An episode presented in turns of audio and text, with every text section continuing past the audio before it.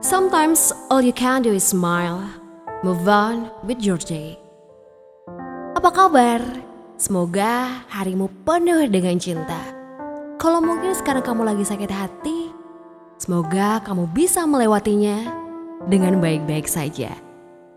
Hmm, saran Eriza kembali lagi ya. Di Kalau Cinta.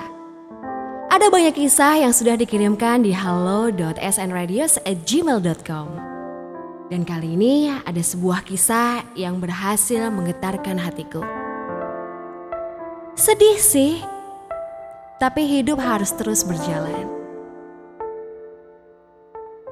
Malam itu aku melangkahkan kaki perlahan. Kulihat hiasan bunga-bunga indah mewarnai pelataran. Kakiku berhenti sejenak. Ada rasa berat menyeruak di dalam dada. Sekelebat, bayangan masa lalu terlintas dalam pikiran.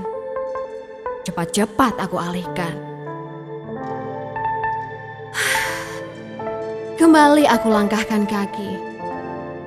Kulihat ada beberapa teman yang kukenal di sana. Mereka tersenyum padaku.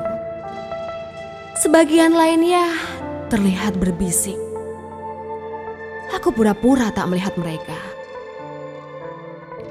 Kepalaku pening mendadak. Segera aku ambil segelas air putih untuk menyegarkan diri. Dari kejauhan, kulihat kedua mempelai berdiri. Mereka tersenyum lebar, sembari menyalami tamu undangan yang hadir. Seperti rencanaku sebelumnya, aku tidak akan lama-lama berada di sini. Setelah aku merasa siap, segera saja aku mendekati kedua mempelai itu. Aku hitung mundur. 30 langkah, 20 langkah, 10 langkah, 3, 2, dan akhirnya aku tepat berada di depan mereka berdua. Kulihat wajah mereka berdua begitu kaget. Mungkin mereka tidak menyangka aku akan datang. Hai, selamat ya. Ujarku sambil tersenyum lebar. Pengantin perempuan spontan memelukku erat. Air matanya membasahi pipiku yang berdekatan dengan pipinya. Aku, Ria.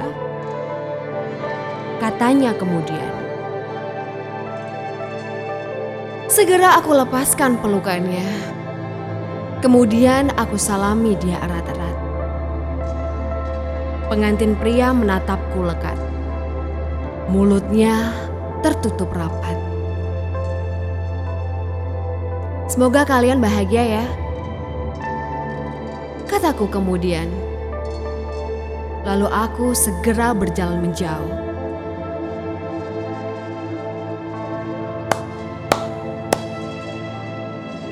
Ternyata aku lebih kuat dari yang aku duga. Tas tetes pun air mataku jatuh. Aku bisa berjalan tegak Meninggalkan gedung pernikahan itu, bak seorang pahlawan yang memenangkan pertarungan. Andai kamu tahu, aku yang seharusnya ada di pelaminan itu. Andai saja sahabatku tidak mengandung anak calon suamiku. Terima kasih Ria untuk kisah yang sudah kamu kirimkan. Kami bangga padamu yang berani untuk menjalani hidupmu dengan lebih kuat. Ada satu kutipan yang dikirimkan Ria untuk kamu yang lagi dengerin kalau cinta. You can close your eyes to the things you don't want to see.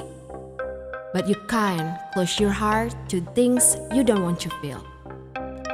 Saya Sarah Neriza, Sampai berjumpa kembali di episode Kalau Cinta selanjutnya.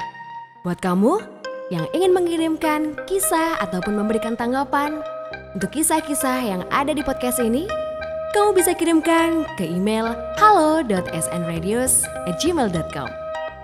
Sampai jumpa di episode selanjutnya. Bye bye. Kalau cinta katakanlah meski